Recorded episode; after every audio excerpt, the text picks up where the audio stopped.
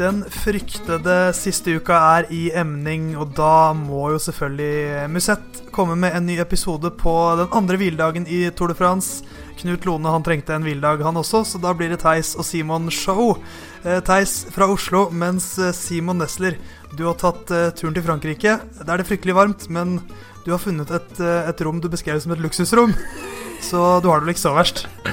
Eh, nei, jeg har det fint, jeg. Eh, det er altså et Jeg bor vel på det som er i nærheten av et hostell, men jeg har eh, et luksusrom som jeg da sikrer meg i form av at jeg har eget bad. Eh, så luksus og luksus, men jeg har i hvert fall en seng og, et, og en bad eh, med dusj, så da må det jo alt være fint. Det er spektakulært å være journalist på tur. Eh, Hvor er det du befinner deg nå? Nei, nå har jeg kommet meg til NIM, da. Eh, som da er startbyen på tirsdagens etappe. Så da eh, fløy jeg til Lyon, og jeg hadde vel to og en halv, tre timer eh, i bil sørover. Eh, ganske monotone timer. det var Etter å ha kommet ut de første 20 minuttene var ute av kalde byen, da, så var det neste sånn Jeg hadde veirute på Google Maps, og neste punkt da var eh, ta til høyre om 175 km. og så tok jeg til høyre der. Og så var det ta til høyre om 54 km, og så var jeg inne. Så eh, jeg var eh, sjeleglad når jeg eh, fant ut hvordan cruisekontrollen virka, for eh, ja Jeg kjører en Opel Corsa, og jeg, jeg er ikke eksepsjonelt høy, men eh, det er litt liten plass. Den uh, veibeskrivelsen der høres ut som en av etappene i Tour of California. For det er litt sånne veier de sykler på. Men eh, det er jo Frankrike rundt, eller Tour de France, som de sier på fransk, som eh, vi skal fokusere litt på. Um, det har blitt syklet noen etapper siden den forrige hviledagen, så vi kan jo gå litt eh, gjennom hva som har skjedd. Um, det var jo en, eh, en sjelden spurtsjanse på den ellevte etappen, Simon. Og det ble en duell til slutt mellom Caleb Ewan og Dylan Gråneveggen, mens det gikk litt eh, ikke så veldig bra for Alexander Kristoff. Nei, han fikk litt eh, tekniske problemer med et eh, kjede som hoppa av. Eh, Halvannen-to kilometer fra mål, som gjorde at han tapte en del av posisjoner og egentlig aldri var i stand til å eh, spytte om seieren. Eh, Giacomo Solo hadde jo velta tidligere på etappen, så Boasen Hagen òg fikk jo spurtsjansen, men han eh, eh, fikk et opptrekk av Reinhard Janse von Rensburg, og i siste sving med rundt 500 meter igjen så ble det rett og slett en altfor brå sving. Det var gjennom en eh, rundkjøring som gjorde at de måtte hogge på bremsene, så da var han òg egentlig ute. Så Kristoff beste som nummer ni, mens Grøneveggen og uh, Kelly Bune hadde en veldig fin uh, kamp om etappeseieren, hvor June akkurat klarte å ta seieren. Den smakte godt for han. Ja, det var, det var en uhyre jevn spurt. Eh, Et opptrekk for Jumbo Visma som vel startet eh, Gikk tomt for, for krutt litt tidlig, så det ble en litt lang spurt for Grønneveggen. men, eh, men veldig fint for Juen da å få den eh, etterlengtede etappeseieren i Tour de France. eh, I hans debut da i Tour de France, men det er jo ikke fordi han eh, ikke har vært god nok. Det har vært eh, to frustrerende år for han i, i eh, Michelin Scott. Men eh, flott seier til eh, Caleb Ewan. Dagen etter så var det en eh, det, det kunne blitt litt action mellom favorittene. Det ble det så langt ifra. Eh, Men det ble en spennende avgjørelse i bruddet, der Simon Yates slo Peo Bilbao og Gregor Mühlberger. Men Simon, det var en viss australsk verdensmester som stjal oppmerksomheten. Ja, eh, det var vel i langesonen hvor plutselig Rowan Dennis eh, rett og slett eh, brøyt. Eh, laget visste ikke helt hvor han var. Eh, Dagen før tempoen også. Ja, eh, og ja, De kom med en pressemelding rundt midnatt etter Etter mye Kall det seg spekulasjoner, hvor egentlig den pressemeldingen sa absolutt ingenting. Men eh, det som virker å ha kommet fram i, i media sånn generelt, er vel at det er noe misnøye med utstyr, både i form av eh, eh, om det er hjul, eller om det er tempodrakt, eller ja. Det er ikke selve Merida-sykkelen, men ja, det er litt opplegget rundt som ikke er helt eh, som det skal være. Og eh, Dennis har jo Han har jo ikke vært på det samme nivået på tempo i år som han var i fjor. Eh, og det har vi snakket til om at eh, han kom fra et veldig, veldig bra setup eh, fra BMC. Som hadde ekstremt gode sykler og tilhørende utstyr. Han har slitt mye mer i i Bahrain Merida på Merida-syklene, og da virket det i stort sett i stor grad utstyret ellers utenom sykkelen som har vært problemet. Så da ble det kanskje akkurat litt for mye. Litt for mange tanker rundt det. det, det vi får vente og se når han Når han endelig snakker skikkelig om det. For nå er det bare mye spekulasjoner, egentlig. Ja, det, det var i hvert fall veldig mange som stusset over det, så det er som du sier, han har jo hva skal, man, hva skal, man, si sagt litt sånn mellom linjene at han ikke er helt fornøyd tidligere også. Jeg husker det australske mesterskapet, hvor han uh, ble slått av Luke Durbridge. Uh, så sa han i intervjuet etterpå at uh, jeg skjønner ikke hva som skjedde. Jeg produserte like mange watt som jeg gjorde i fjor, men da gikk det fortere. Så vi får se etter hvert. så skal man kanskje ikke spekulere for mye, for man vet aldri hva som skjuler seg bak. Bak fasaden. Nå, vi kan gå videre til etappen som mange trodde Dennis skulle kanskje vinne, til og med. Tempoen i på. Der uh, jeg i hvert fall gikk hardt ut og meldte at uh, Julian Alfilip kom til å kanskje tape den gule ledtrøya. Uh, det gjorde han ikke. Han kjørte en strålende tempo. vant faktisk med 14 sekunder ned til Geraint Thomas. 36 sekunder ned til Thomas de Gent. Selv du, Simon, som hadde troa på Alfilip, tror jeg ikke så den komme. Nei, jeg trodde han skulle være sånn topp ti, men eh, at han skulle vinne eh, Det var Det hadde jeg ikke trodd. Uh, spesielt måten han bare fløy opp den siste bakken på, er helt rått å se på. Mens de andre ofte så rimelig daue ut når de kommer over mål, så bare sprudla det jo av Valla Filip mot slutten der. Eh, det var en løype altså, veldig fin foran eh, starten med litt bakker og litt teknisk, som gjør at eh, du ikke får den der monotone rytmen som nok er hans svakhet sånn rent tempomessig, men en helt fantastisk tempo, rett og slett. Ja, det var, det var mye adrenalin i kroppen til Alf Lipp, tror jeg, da han kom i mål der.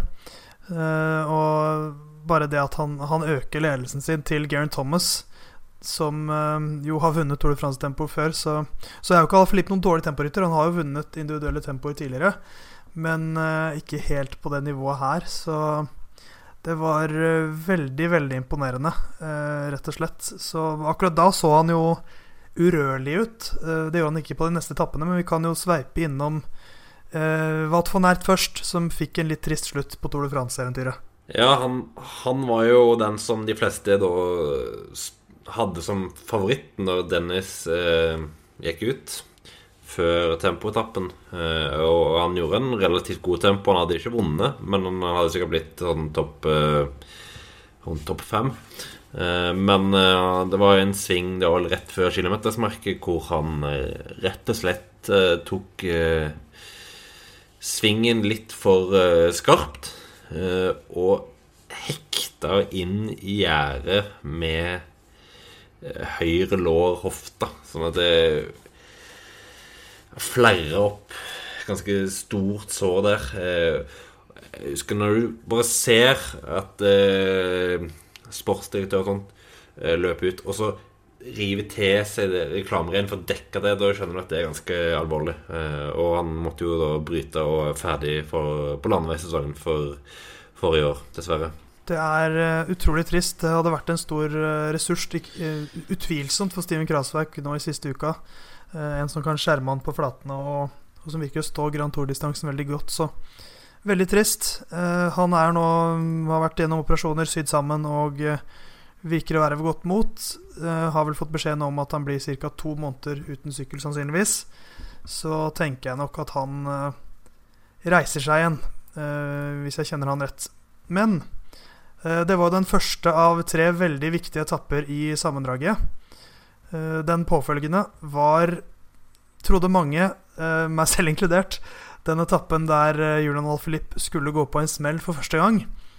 Og det gjorde han jo virkelig ikke, for han klatret bedre, Simon, enn han har gjort noen gang. Ja, jeg, jeg, satt og Jeg var ute og fløy fra Stavanger til Oslo under, under etappen. Men når jeg landa i Oslo, så var det rundt eh, ti uh, kilometer igjen. Så fikk jeg sett uh, litt, og det var litt sånn absurd å se hvor bra han hang med når John Thomas og Fuglesang og ja, Uran og Porter og alle sammen eh, faller av mot slutten, og så sitter alle Filip der og eh, kjemper om etappeseier. Det eh, Jeg tror ingen egentlig så den komme at han skulle være så god. Jeg tror mange trodde at han hadde en mulighet etter den, etter den tempoen til å fremdeles være gult, men de fleste forventa nok at han skulle tape litt mot slutten. Men han viste jo han viste et helt rått nivå. Eh, og han viste jo at han må bli tatt i alvor i den kampen om uh. Ja, altså da, da, han begynte å nærme seg toppen der, så uh, Altså, jeg hadde jo Jeg skrev førstesaken for prosagen.no. Uh, og jeg gjorde klar en overskrift som var Al Filip uh, vant, eller noe i den duren. Fordi at når han kom inn på siste kilometer der, så er det som en gammel sirkushest som, som, lukter uh, sagmugg. Altså, da var jeg nesten sikker på at han skulle vinne. Og det så, hvis man skal spekulere, så så det ut som om han lot den seieren gå til Pinot. Jeg har sett folk spekulere i det. Uh, for, for, han blir på hjulet til Bernal der litt lenger enn jeg tror han egentlig trengte. Jeg, jeg tror om han hadde et, hatt et ekstremt sterkt ønske om det, så tror jeg han kunne tatt Pinot, men da visste han òg at da kommer jeg til å gå langt ned i kjelleren, og det kommer til å kanskje koste mer enn det smaker på de neste dagene. Så jeg, jeg tror nok Altså, hadde det vært et endagsritt, så hadde han tatt han. Eh, det er jeg ganske sikker på. Men eh, han Han har jo ikke den samme Det er forskjell på å ha et kick på slutten av Flash Fallon og opp Tomalet. Det er en, eh, en, teori jeg kan henge meg på. Eh, men det var jo Pinot som vant etappen. Eh, tenk det, nå har han vunnet på Alpe d'Huez og på eh, Col Tourmalet. Det er ikke verst, bare det. Eh, seks sekunder tok han til Alaphilippe, pluss ti bonsekunder, da, mens Alaphilippe tok, tok seks bonsekunder. Men det sjukeste egentlig på den etappen er jo at Alaphilippe er i mål 30 sekunder før Geraint Thomas. Så selv om han blir nummer to på etappen, så øker han jo ledelsen sin og har 2.02 etter Col Tourmalet. Hvordan i alle dager er det mulig? Nei, det er jo mulig rett og slett fordi han øh, fram til det punktet har kjørt det desidert beste rittet eh, av alle så langt i hele Tour de France. Han eh, tar en råsterk etappeseier på den tredje etappen, hvor han kjører solo i, i 15 km med et angrep som ingen andre er i nærheten av å følge.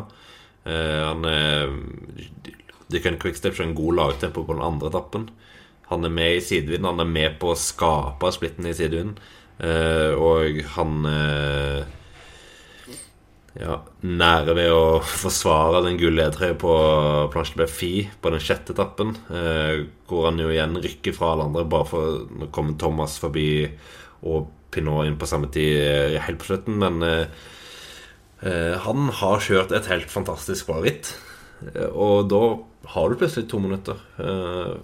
Og det Altså, det var jo Det er jo helt fullt fortjent at han hadde to minutter ned til Thomas At det er nærmest konkurrent etter Tom Olé, for han har vært den beste rytteren. Et helt uh, fantastisk ritt. Uh, flere som, uh, som sleit opp Tourmalet. Quintana tapte 3,5 minutt. Dan Martin tapte 5,5 minutt. Adam Yates tapte nesten 7 minutter. så det var flere store favoritter som Roman Bardet tapte 20 minutter. Ikke sant? Uh, så det var flere store favoritter som virkelig måtte begrave sine ambisjoner der. Um, så mange rustninger som hadde mang en bulk etter Tourmalet, mens den gule rustningen til Julian Alfalip Den fikk sine første bulker, eh, Simon, for han, kjørt, han kjørte et perfekt ritt de første 14 etappene. Men på den 15. etappen, eh, med tre førstekategorier og den siste opp til opp Prata Albis, der måtte selv Supermann, den lille spirrevippen fra Quickstep, gi tapt. For han eh, fikk det litt tungt der. Ja, han viste Han viste en menneskelig side. Det, det er jo de som har begynt å allerede tvila litt på han. Uh, Syns det er litt for ekstremt, men han viser at uh, han er i hvert fall ikke helt uh, umenneskelig. så det er jo for, for godt å se at han òg kan ha tunge dager, for han har sett helt rå ut så langt. men han gjør jo igjen en ganske bra etappe. Taper en del tid, men han har fremdeles en ganske solid ledelse nå når vi nærmer oss Alpene. For uh, han taper altså da til slutt uh, ganske bra med tid. Han, han, henger seg på når Thibaut Pinot uh, angriper. Men så begynner han å merke, merke, kjøret og taper til slutt 1 minutt og 16 sekunder, vel, til Pinot, pluss 6 bonsekunder, så det blir ganske mye. Simon Yates da vinner sin andre etappe. Mikkel Landa gjør det bra.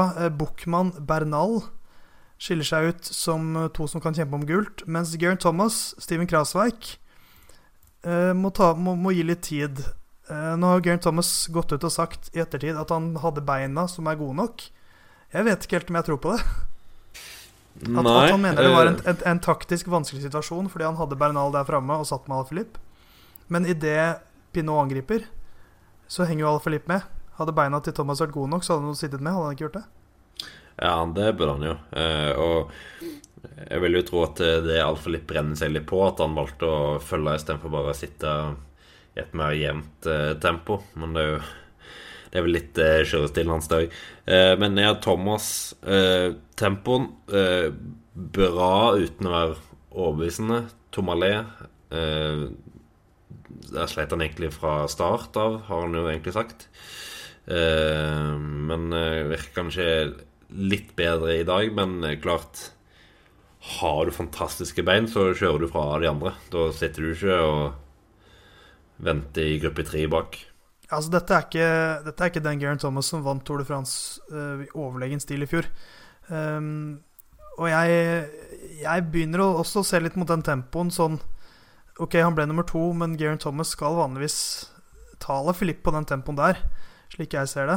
Um, så det, det, det, det, er jo blitt en veldig spennende sammenlagtliste nå etter den eh, etappen der, med Alfa Lipp som nå har 1.35 til Garen Thomas, for Thomas er fortsatt nummer to. Steven Krasveik på 1.47, så følger Pinot, eh, Bernal og Buchmann. Det er altså 39 sekunder som skiller Geraint Thomas på andreplass og Buchmann på sjetteplass.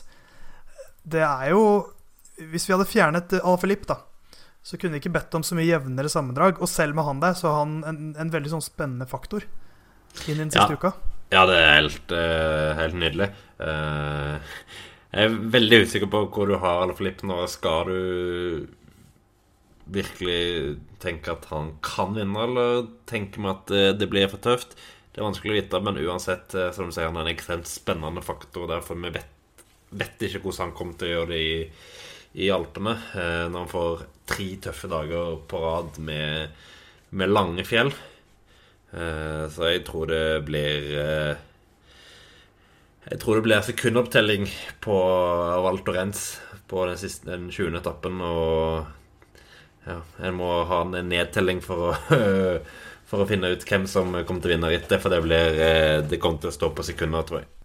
Det hadde vært Jeg får nesten frysninger bare å tenke på det. Men, men hvis vi skal liksom se litt nærmere på Alle sin prestasjon de siste dagene for på, på, dagens etappe, da, vi spiller inn på søndag, før, eh, kvelden før villdagen Den etappen han sprekker på, eh, der er det tre bakker, tre førstekategorier mot slutten. De er alle ca. en mil lange. Eh, og det er den siste han får det på, når det blir et ganske tidlig angrep. På Tourmalet, som er en mye lengre stigning, 18 km eller hva det er, der syns jeg Alaphilippe satt og så ut til å være ganske på stålet ganske lenge, da Movistar kjørte. Men så blei kjøret så jevnt, og det kom ikke noen angrep før mot slutten. Og da begynte han å lukte målstreken, og da kunne han bite seg fast.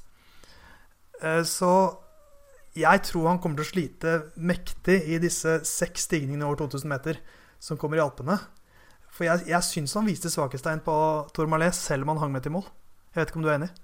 Ja Visse svakhetstegn, eh, kanskje. Han, eh, han, imponerte jo først og fremst bare ved å bli nummer to, vil jeg si. Eh, ja, selvfølgelig. Det, det, det, er helt enig. Men ja, han Han så ikke ut som den sprekeste underveis. Det gjorde han ikke. Men nå har han nå, nå, er jeg ikke så vant til å se Ala Filip i en sånn situasjon heller, så det er litt vanskeligere å lese han enn mange av de andre. Uh, men uh, det er klart altså skal du knekke han, så må du jo starte kjøre tidlig.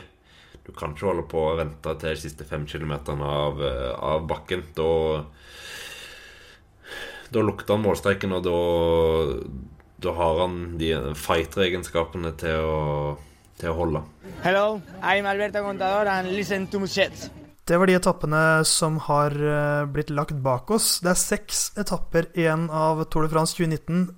Eh, fem av dem er, kan vi kalle, viktige for sammendraget. Så har vi den siste i eh, Paris, som bare er et glorifisert kriteriumsritt.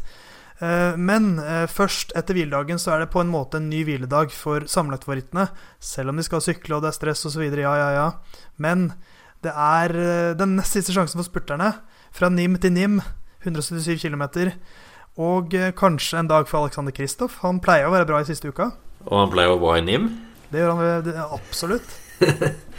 og her han vant eh, sin andre etappeseier i 2014, da, for de som eh, nå satt og lurte på hva det skulle bety. Eh, jeg er veldig spent på den etappen, for nå har Deconic Quickstep jobba veldig mye. De har brukt mye av spurtlaget sitt Kommer de til å prøve å holde det samla? Eh, jeg tipper de ikke aktivt kommer til å gjøre det i særlig grad. Nei, de har, de har, jo fått større fisk å steke nå, på en måte. Ja, de må, de må spare så mye krefter som de kan. Eh, men ifølge Jumbo Visma ønsker nok en eh, spurt. Eh, UAE må jo ønske en spurt etter at Del Martin har falt helt ut. Lotto Sodal har jo ingenting annet her å gjøre enn å gå for en spurt. Så det blir nok en spurt, men eh, det er nok en litt større sjanse for bruddet kanskje enn eh, eh, på lignende etapper tidligere i turen. Det er litt kult å se Bystrøm i brudd her, egentlig, men han får kanskje ikke lov til det. Nei, det nå, nå som Philipsen har reist hjem, så blir det jo han den, han den viktigste, viktigste hjelperen for for Kristoff det er jo, det er jo en, en spurtetappe, men det er nok stigninger underveis. Eh, et par mil før mål så er det en 2,5 eh, km lang bakke på 4% så det er, er, litt sånn som kan slite ut eh, et par spurtbein, og det har vært noen harde etapper. Og det er meldt hetebølge. Det, det var fem-seks grader da jeg henta bilen i dag på flyplassen klokka seks. og da hadde den stått i sola en stund, så det Eh, det tok en halvtimes kjøring for å få en noenlunde levelig temperatur inn i bilen med hjelp av aircondition. Så det er meldt veldig varmt vær eh, nå, i hvert fall starten av eh, neste uke. Jeg var nede i 29 grader da jeg kom til hotellet her klokka halv ti. Så det, det er nok tropenetter og vel så det. Så det er klart 5-6 grader, litt sånn seige bakker. Det kan slite ut. Noen spurter av det. Så vi krysser eh, fingrene for uh, norsk etappeseier i år også. Uh, den dagen som følger, er vi veldig spent på begge to, Simon. For det er en sånn Altså, hadde man sett gjennom uh, etappene før start, så hadde man sett på den etappen og tenkt her kommer Julian Alfilip til å sikte seg inn på etappeseier. Men fordi at mot slutten så er det en eh, drøyt fem kilometer lang eh, bakke uh, på litt over 5 med, med toppunkt bare 9 km fra mål, så er det lettkjørt derfra inn. Og det er jo perfekt Alfa-Lipp-terreng. Kanskje han kan slå tilbake der og øpne, øke ledelsen? Eller vil han spare seg? Jeg tror nok han vil spare seg, men klart eh, det, er en, det, er en, mulighet for å tjene eh, kanskje 20 sekunder, da. Uh, sier at han eh, har noen sekunder over toppen, eh, og så er det en veldig rask utforkjøring. litt teknisk òg. hvor han kan stikke litt ytterligere fra. Perfekt scenario i dag når bonus kunne sendt den nede i mål. Da kan det være mulig å få en del sekunder, men eh, nå tror jeg eh, Det kunne Quickstep må nok spare på kreftene igjen.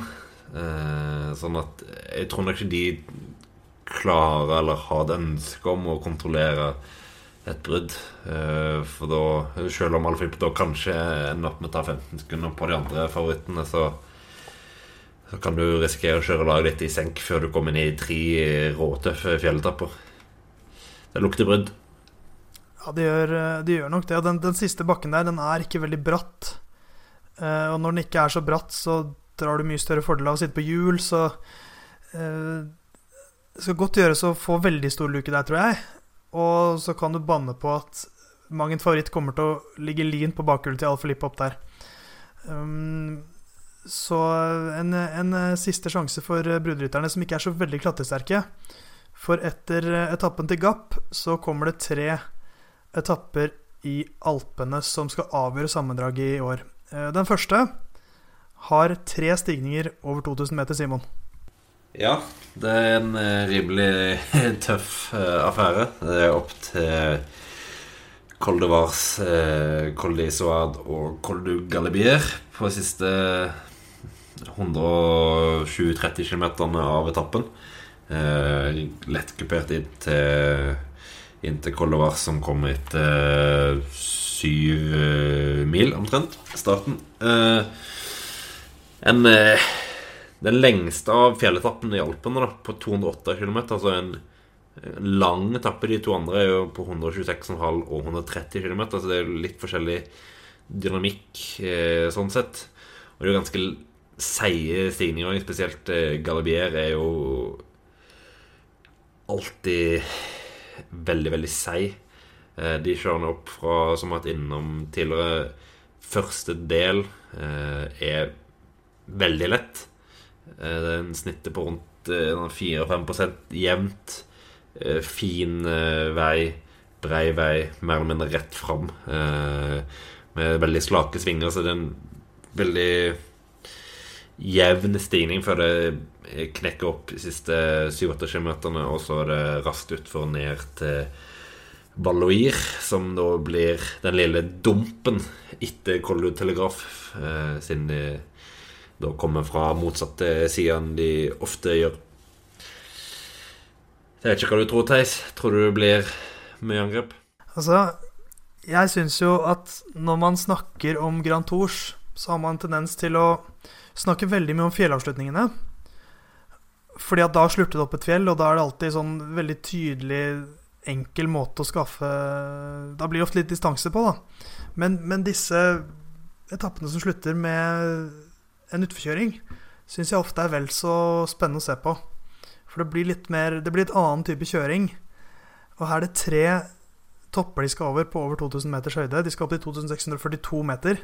Så selv om Galibier er ganske slak, så er det jo antall høydemeter her, og, og antall timer på sykkelen, og, og, varme også. Det er mye som kommer til å tære på rytterne, og spesielt på Ala Filip, som skal prøve å henge med på denne etappen her, eh, som er en type etappe han aldri har prøvd å henge med på før, sammen med favorittene. Så det, jeg sier ikke at han kommer til å tape trøya der, men eh, jeg, han kan kjøre inn mye tid på de siste to milene i utforkjøringen, selvfølgelig. Men jeg tror han kommer til å få kjørt seg der, altså. Ja, det blir veldig spennende å se hvordan laget hans eh, klarer, å, klarer, å, være. Eh, I dag, altså på den 15. etappen, så eh, hva skal vi si, Askren og Viviani og Mørkhaug og Richese gjør jo en god jobb. Lampert og Devninsøy, vel. Uh, og er med eh, inn til den nest siste stigningen, uh, hvor de blir skalla av. Mens uh, Henrik Massio faller av i den første, første kategorien, og han ser jo ja, urovekkende dårlig ut da når han gjør det. Eh, men nå får han en hviledag på mandag, og så to sannsynligvis ganske lette dager. Eh, så det er jo håp, Håpet må jo være at han eh, kvikner til og kan være med Alfalip. For de kommer jo til å prøve å isolere Alfalip tidlig. Det vil, med, vil jeg tro. Ja, det, altså det, Henrik Maas var jo helt natta på, på den 15. etappen. Det er altså andremann fra fjorårets Vuelta i Spania som, som, må slippe før Elia Viviani. Så, og opp Col d'Isoire det, det, trenger ikke å bli veldig hardt kjør der for at nesten hele laget til, Vivian, nei, til Alle Filippe er borte, så Og det er også Vi, vi så det med Roglic i uh, Giro d'Italia. Uh, selv om du kanskje er en slags virtuell leder blant sammenlagtrytterne, så, så tær det på å sykle aleine. Uh, sånn som i dag, bare da Alle Filippe var isolert mot slutten her i den siste bakken, så måtte han tilbake til følgebilen og og for å få tørket brillene sine, bare at han måtte gjøre det selv. Han ble liggende ganske langt bak i feltet en stund, må jobbe seg opp. Så det, det er sånne småting som eh, tærer, og spesielt på en så lang etappe. Så eh, Nei, en, en, en god Henrik Mass kan eh, være en stor styrke, selvfølgelig. Uh, og det gjelder jo på alle de siste etappene. Vi kan jo kikke på den neste etappen til Ting. For etter at vi har hatt en maratondag i fjellene på etappe 18, så er etappe 19 og 20 uh, korte og intense. Uh, etappen til Ting tar oss over løypas høyeste punkt. De starter på 585 meter og skal opp til uh, toppen av Col d'Isera, 2770 meter over havet. Så selv om avslutningen etter Col d'Isera ikke er den hardeste, det er ett fjell til opp til Ting, som er 7,4 km med 7% så er det igjen da en etappe som kommer til å presse ferdigheten til Alaphilippe til det ytterste. Ja, det er jo Altså, i praksis så er det jo egentlig en stigning på 90 km, der. Eh, fra, fra, start så går det liksom litt sånn etappevis oppover. Eh, du har jo tre kategoriserte stigninger før du kommer inn i selve Iseran, men det, det går jo jevnt oppover eh, før den stigningen som er kategorisert på 12,9 km av 7,5% Så du kommer jo til å få en veldig seig første Er det, nærmere tre timer, da hvor du jo omtrent eh, ikke har noe eh, skikkelig hvile. Det, det, det, er en del flatt, men det, du må alltid jobbe. Eh, så jeg tror hvis du får det eh, på en eh, sånn stigning eh, inni selve Isaranda, så tror jeg du kan få det ganske kraftig. For da har du hatt lang tid i ganske monotont terreng.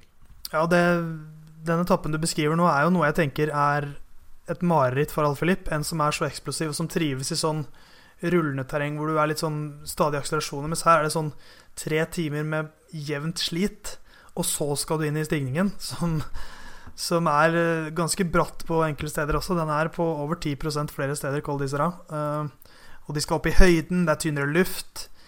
Uh, og så er de over toppen, da, og så er det fortsatt en 3,5 mil igjen før de kommer til ting. Så det blir en, en, en lidelse. Mens den uh, siste etappen av uh, sammenlagtetappene, 130 km, uh, de slutter med en 33 km lang stigning, men før det så skal de over uh, Comedre Roselin, som er to mil med 6% og Côte Longefaux, som er 6,6 km med 6,5 uh, Da er det mulig å legge press på uh, Filip, eller den som måtte sitte i gult, med en gang. Ja, eh, mye mindre hvile her enn det er eh, på den 19. etappen. Så har du egentlig ganske eh, et rolig parti inn mot den siste bakken. Her går det i større grad slag i slag. Eh, og den første skikkelige bakken kommer jo allerede etter eh, rundt 15 km. Så her eh, jeg forventer at det blir kjør fra start, egentlig. For her er det noen som eh, eller alle har jo sin siste sjanse for å endre det i sammendraget. Med mindre alle Filip skal vinne spurten på Champs-Élysées og ta ti bonussekunder, da.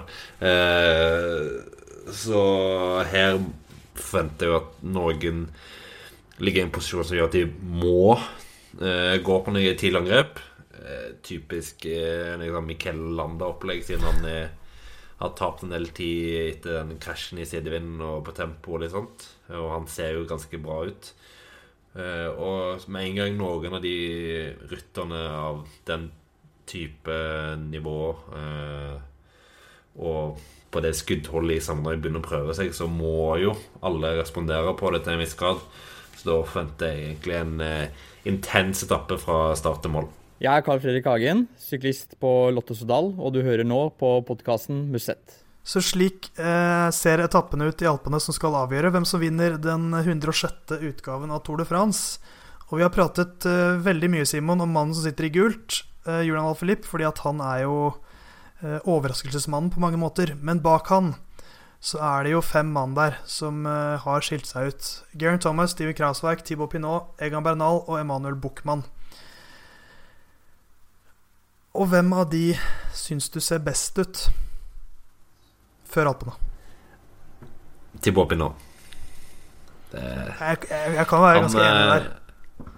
Eh, han har sett uh, råsterk ut hele rittet. Det var det var den ene etappen i sidevind hvor han tapte mye tid. Hvis ikke hadde han jo nesten vært oppe på Alain Philippe eh, sitt eh, sin skulder nå, holdt jeg på å si. Da hadde han jo vært bare 10-15 sekunder bak, vel. Eh, så han har sett råsterk ut i Pyreneene nå. Var den eh, beste på har samlet rytterne på begge de to fjelletappene vi har hatt nå i helga. Så det er klart han eh, må ha mye sjøltillit inn inn i Alpene. Eh, Frankrike er jo har et stort ønske om en, eh, om en Tour de France-seier. Jeg tror egentlig Pinot er det sterkeste kortet akkurat for øyeblikket. Tenk de Alpene med Ala Felipe i gul trøye og Pinot på vei oppover. Det må jo bli stappfullt med folk. Uh, han, han, ser jo også altså, til fors forskjellen fra Alaphilippe da, at Pinot er en proven uh, Grand Tour-rytter. Og han har et, et, lag i ryggen som ser veldig bra ut. David Godou har jo vært fantastisk. Ja, Godou var fantastisk på Tommerle. Ikke så strålende i dag nødvendigvis, men jeg har jo òg Rudi Molar og Reichenbach som har uh, gjort en veldig god innsats i, i dag. på den 15. etappen, så i sum et mye bedre lag eh, enn Alle Filippe, i hvert fall. Så han kommer ut til å få støtte hele veien og har et lag som det er mulig å angripe litt mer, da. Eh, så man kan ha ryttere som ligger i, forkant, som man kan kjøre seg opp til og få litt hjelp oppover. Så han eh, har et meget, meget skarpt lag. Får vi se hvordan han, eh, han, takler varmen. Han er jo ikke så glad i, ja. i, i varmt vær. Heldigvis skal det jo veldig høyt, da. Så det, det er jo ikke 35 grader eh, på 200 2700 meters høyde. Nei, det er sant. Så uh, Pinot ser veldig spennende ut. En som har gått litt sånn stille i gangene, men som ligger i en veldig god posisjon, Steven Krasveik. Tredjemann 1,47 bak. Han har også et lag som er veldig, veldig bra, i George Bennett og Lawrence de Plus. Uh, har sjansen nå til å havne på podiet en Grand Tour for uh, første gang etter at han nesten da vant Giro d'Italia for tre år siden, er det blitt allerede? Ja. Uh, jeg syns han er Jeg har alltid hatt sansen for Kreuzweig, men han er Jeg tror han er litt for dårlig. Du ser på etappen til Planche Belfi, du ser på etappen i dag. Det han taper litt for mye eh, når, eh, når det virkelig rykkes det, føler jeg. Eh, jeg, jeg ser selv for meg at han skal klare å Å kjøre fra de andre på, på de siste etappene. Med mindre han klarer å få til noe skikkelig lagstunt.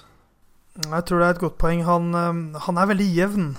Han går ikke på en sånn stor smell noen gang, men han eh, han er heller aldri best, så at han skal klare å ta inn Altså bare holde både Altså holde Bernal bak seg og Pinot bak seg. Han har tre sekunder nå på Pinot, og samtidig ta inn 1,47 på Alaphilippe. Det, ser, det ser jeg ikke helt hvordan han skal klare, men han er jo sånn som kan vinne Tour de France. Jeg tror han kommer til å gjøre det, men, eh, men en åpenbar podiekandidat, det må vi jo si, når han er nummer tre før, før Alpene.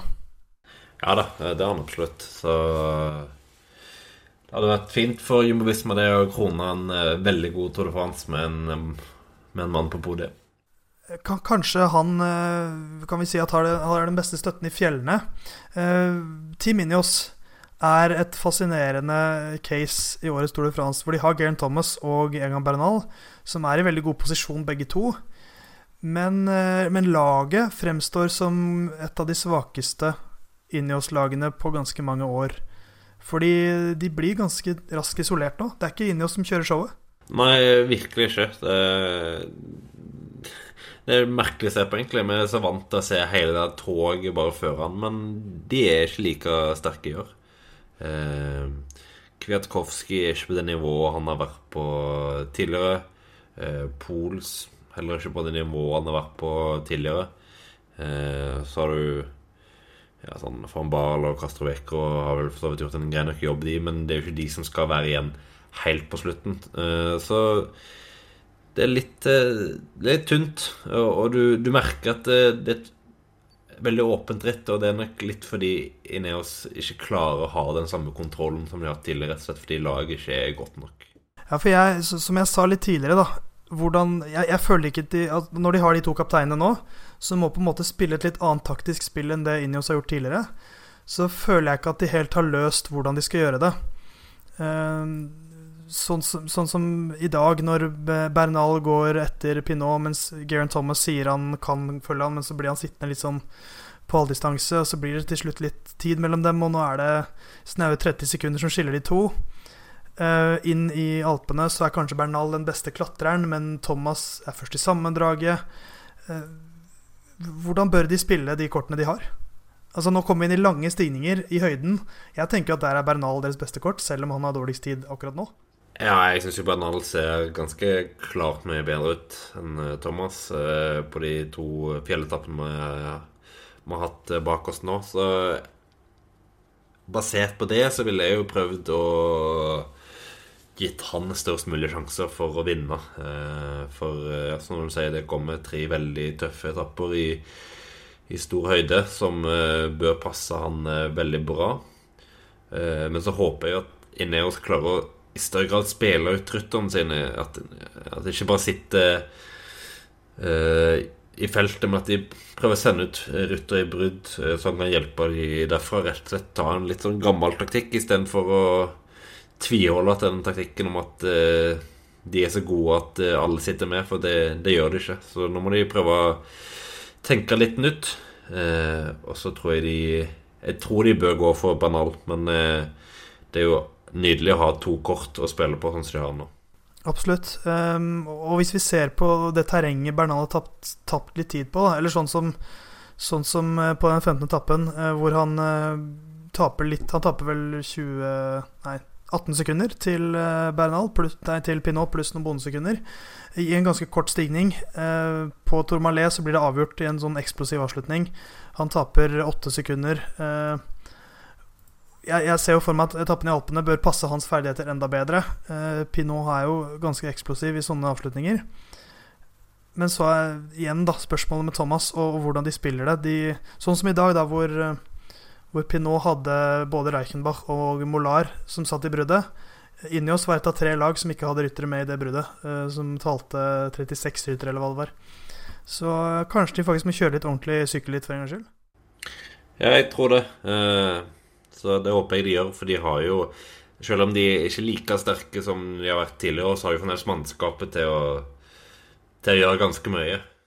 Uh, Sistemann i den lista av potensielle vinnere nå, da, som er liksom de vi har nevnt, Sant Philippe, er Manuel Buchmann, for vi må nevne han òg. Eh, han har på en måte lista seg litt med i den sammenlagtkampen her. Uh, gjort litt som Alaphilippe, kjørt et veldig, veldig sånn bra ritt. Han har ikke satt foten sin feil noen gang. Uh, og han er nå Han er sistemann av dem, men han er jo da bare 39 sekunder bak Geraint Thomas. Og klatret jo uh, fra Geraint Thomas på, på den 15. etappen. Um, han er vel den som jeg har vanskeligst for å se at skal vinne dette. Men han er jo allikevel den som kan vinne dette.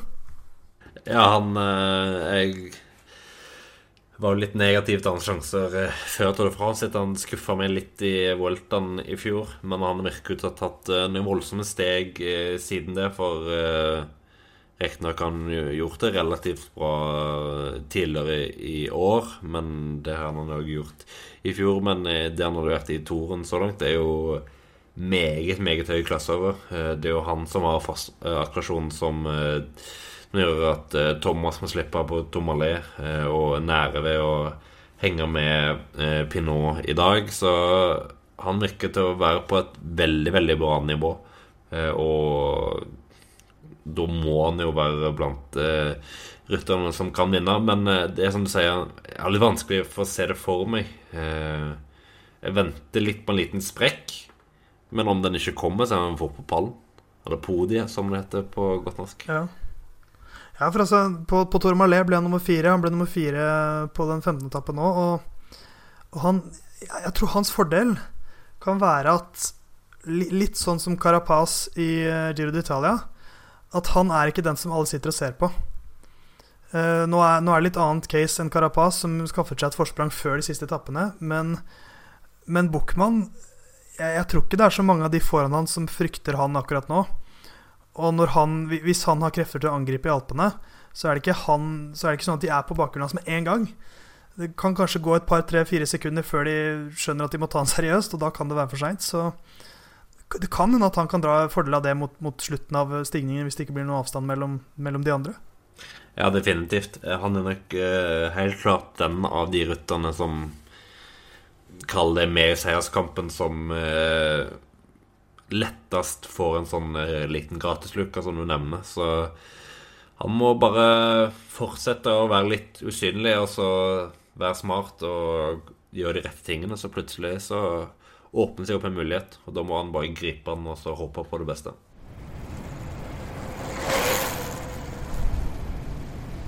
Av og til så prøver vi eh, eksperter i gåseøyne å, å spå ting, og det er ikke alltid det går så veldig bra.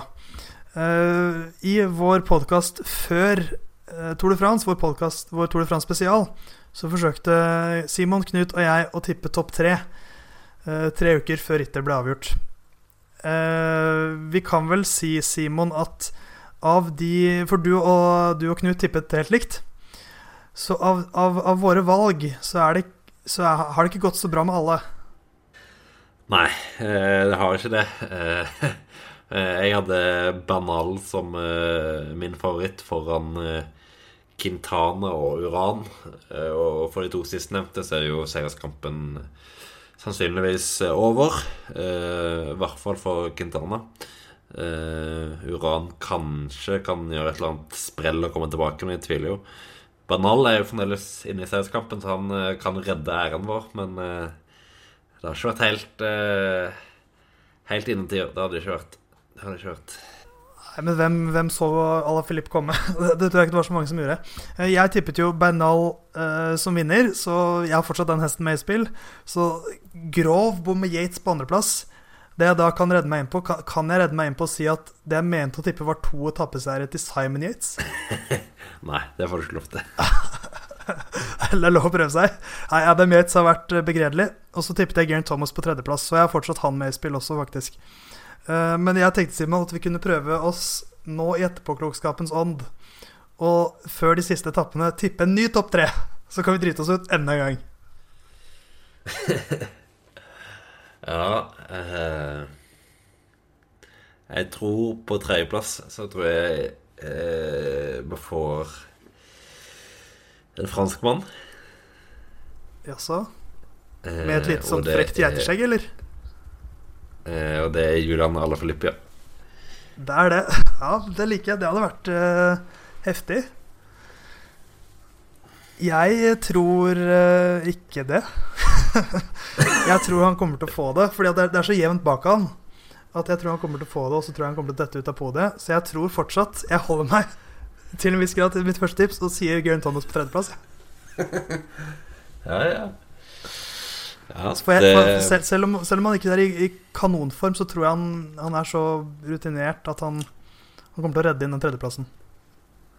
Hvem tror du blir nummer to? Ja. Uh, jeg tror nummer to blir uh, min eneste mann fra Fra mitt første tips som er med i kampen, Egan Bandal. Du tror det, ja? Da har jeg en mistanke om hvem du har på toppen. Jeg tror du har to franskmenn på podiet ditt. Uh, jeg har én franskmann på mitt podie, og han tror jeg blir nummer to. Thibaut Pinot. Og da kan jo du røpe hvem du har på toppen, for det er vel den jeg, mannen jeg nettopp nevnte. Det er korrekt. Godeste Thibaut. Eh, jeg har en uh, stor drøm om å uh, Jeg skal stå ved siden av Marc Madiot eh, på Val Thorens, og så skal jeg bare stå og beundre det synet. Da kan, da kan jeg dø, dø lykkelig hvis eh, Pinot vinner.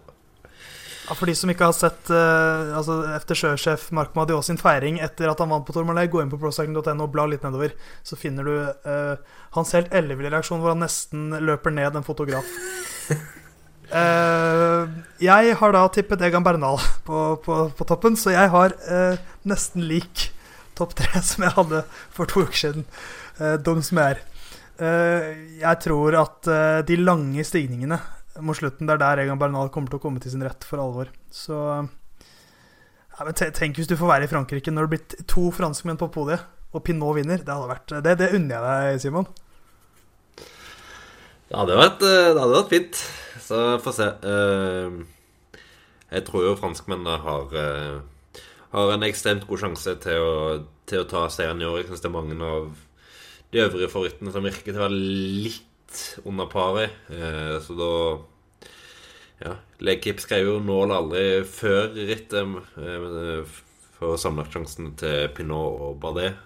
Og jeg tror aldri Pinot kommer til å komme i en bedre posisjon enn det han er i nå. For eh, nå ser han ut som den klart sterkeste klatreren og har tre, tre harde etapper igjen på, på å ta igjen de nødvendige sekundene. Så jeg tror han klarer det. Hello, I'm Alberto Contador and listen to Muchet. Vi hopper over til våre spalter. Vi hopper over den norske sykkeluka denne uka. Eh, det er Tour de France som er i fokus.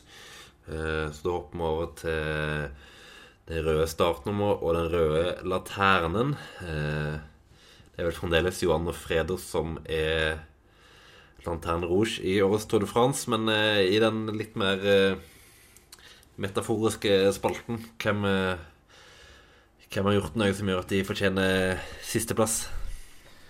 Det er noe som, som går noe sånt som at historien vil alltid gjenta seg selv.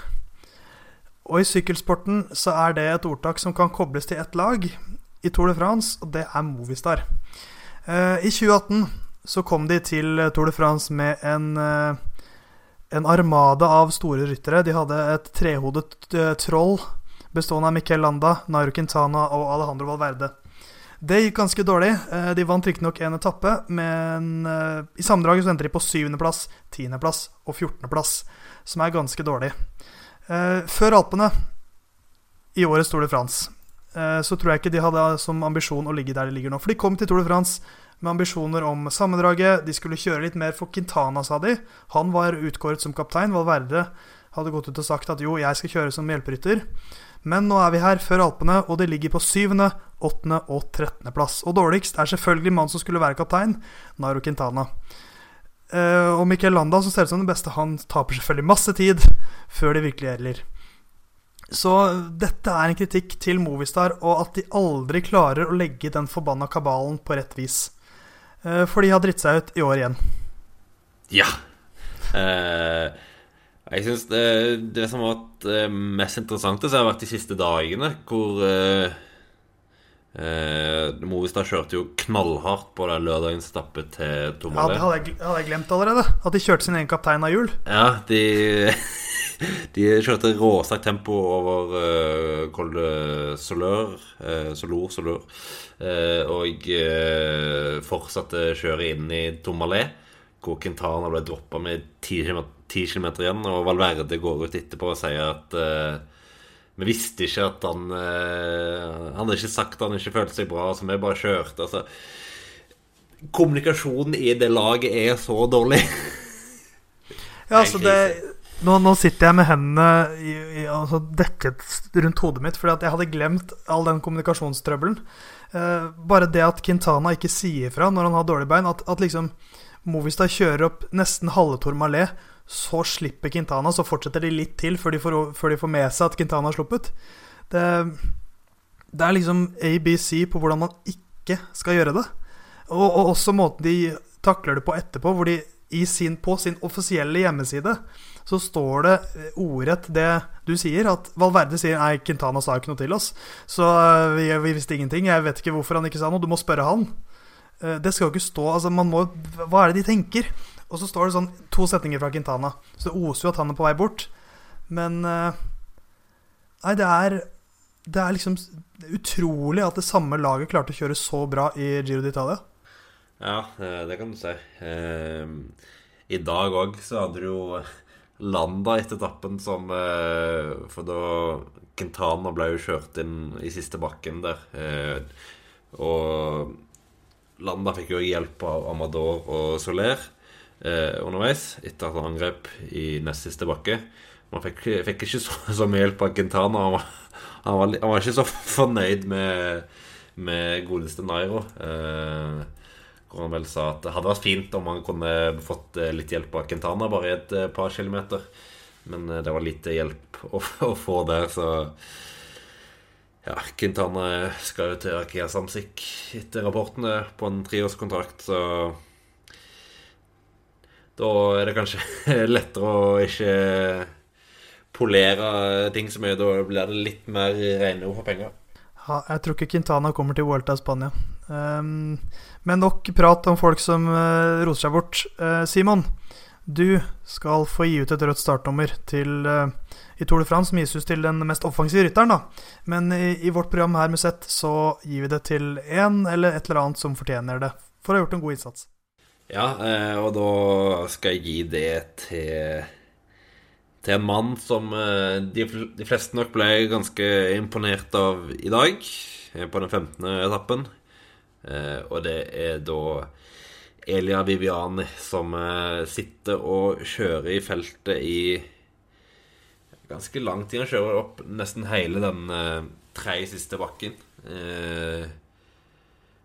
Mens uh, spurterne faller av. Henrik Mass faller av. Uh, feltet skalles vel ned til rundt en 70-80 stykk. Og der sitter Viviani og holder kontroll. han har noen spurtsjanser som venter, men han virkelig ofrer seg for, for Alle Filip og gjør en mannsjobb. Og det, jeg syns det er så fint å se når Når Når ryttere du ikke forventer av, tar på seg sånne roller og virkelig leverer til, til sekser på terningen, for å si det, for å si det sånn. Så veldig fint å se Viviani virkelig, virkelig gjøre en formidabel innsats for eh, Ala Filip. For han trenger jo all hjelp han kan få av et lag som på ingen måte er bygd for eh, å forsvare en sammenlagtledelse. Det er jeg, jeg, ble så, jeg, ble så, glad i Ella Viviani i dag pga. akkurat det du sier nå. Han, det, var, det, var, smått absurd å se Jeg måtte blunke litt da jeg så Viviani plutselig sitte der framme. Eh, helt først mens Henrik Mas måtte slippe. Eh, mannen som ble nummer to i Vueltaen, eh, blir frakjørt av en spurter. Og også som du sier, han ofrer jo Han bruker jo på en måte Han forspiller sine egne sjanser litt i uh, resten av Tour de France, for nå er det jo åpenbart at han kommer også til å gjøre en jobb for For uh, Alaphilippe der han kan de neste etappene. For uh, det er jo et lag som bare har fått den gulle trøya litt sånn plutselig i hendene, og så vet ikke helt Så er de kanskje ikke helt bygd for, for å forsvare den, så Nei, Viviani Veldig, veldig fortjent. Så får vi se da hvordan han leverer, både på Champs-Élysées og i NIM. Har du troa? Ja, ja eh, nå, nå, får han igjen en hviledag i dag, eller hviledag på mandag, Uh, som gjør at uh, han nok har greie nok bein. Det, det, er nok ikke helt ødeleggende at, at han at han tauer litt, men klart, det tærer jo på. Eh, og hvis han skal taue gjennom, taue gjennom Alpene òg, så kommer det ut og tærer ganske mye på. Men han, han har fått en etappeseier og er nok sånn sett godt fornøyd med Tour de France sett. Og så nå ser han en mulighet til å, til å være en oppofrende lagkamerat, samtidig som han jo òg eh, har måte Ja, han har, han har, eh, oppnådd sine personlige mål. Eller sitt personlige mål. Eh, så da Da tror jeg ikke det er så hadde, hadde, hadde han hatt null etappeseier, så hadde han sikkert uh, i større grad uh, spart seg. Men Nei. Eh, jeg gleder meg til å se. Det hadde vært litt fortjent om han kunne tatt en etappeseier etter, etter en sånn innsats. Men selv om han ikke skulle klare en etappeseier til, så kan han eh, ta mye glede ut fra den 15. etappen, hvor han uh, gjør en strålende bragd. Han blir nummer 108, 108 på etappen. Bak han Bauke Mollema. Bauke Mollema, som var skuffende svak i bruddet. Det var noe av det mest skuffende jeg har sett av Bauke for i hele år. Ja, Men Baukefar får aldri dårligere enn terningkast fire uansett. Men uh, Viviani terningkast seks.